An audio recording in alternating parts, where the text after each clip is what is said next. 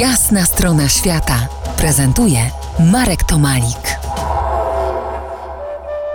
Po jasnej stronie świata dr Maciej Sobczyk, archeolog z Ośrodka Badań Prekolumbijskich Uniwersytetu Warszawskiego. Dzień dobry Marku, dzień dobry Państwu. Jakiś czas temu rozmawialiśmy o Wyspie Wielkanocnej. Dziś porozmawiajmy o innych projektach archeologicznych, w których od lat uczestniczysz. Maciek, Powiedz parę słów o projekcie badawczym Kondesujos, który trwa już ponad 20 lat. Gdzie prowadzicie badania? Czego szukacie tam?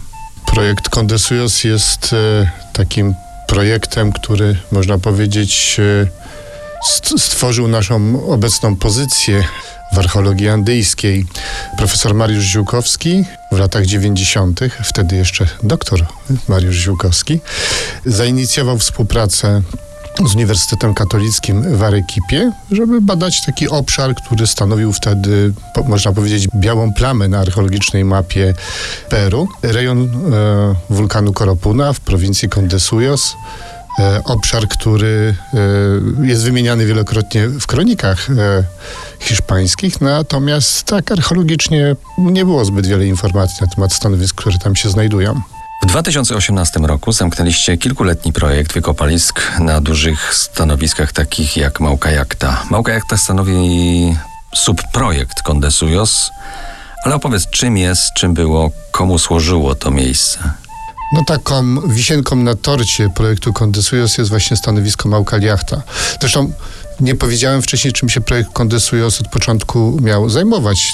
Ten obszar jest y, związany ze Świętą Górą, y, Świętą Górą Inków, y, Koropuną i po prostu zaczęliśmy szukać powiązań tego kultu ze śladami archeologicznymi, czyli ze stanowiskami, które można byłoby wiązać jako świątynie, ewentualnie jako miejsca gospodarcze, które byłyby zapleczem dla takich e, centrów religijnych.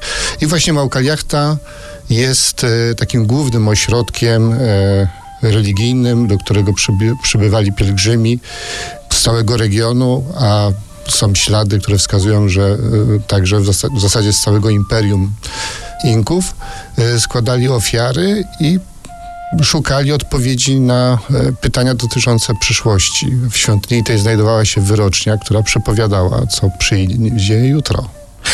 A powiedz, co dalej? Co planujecie w lipcu i sierpniu tego roku? Te wieloletnie prace, które są związane z archeologią, e, taką typową, wykopaliskową, z konserwacją, ale również ze współpracą ze społecznościami lokalnymi, no, zbudowały e, tak naprawdę potężne zaplecze y, naukowe. Projekt jest cały czas rozwojowy. W tym roku na przykład będziemy poza Małkaliachtą będziemy pracowali na stanowiskach satelitarnych, które są położone dużo wyżej. Wykorzystujemy cofające się lodowce, żeby zobaczyć, y, co jest pod śniegiem. Czyli szukamy śladów e, ofiar składanych w części podszczytowej Koropuny, e, a może też na którymś z wierzchołków. Koropuna jest bardzo dużym wulkanem, rozległym i wysokim, ma przeszło 6400 metrów wysokości. Zresztą warto powiedzieć, że większość stanowisk, na których pracujemy jest, to są to stanowiska wysokogórskie. Małka jachta leży na wysokości 3750 metrów nad poziomem morza. Więc jest to też troszkę inna archeologia niż taka archeologia gdzieś na nizinach, prawda?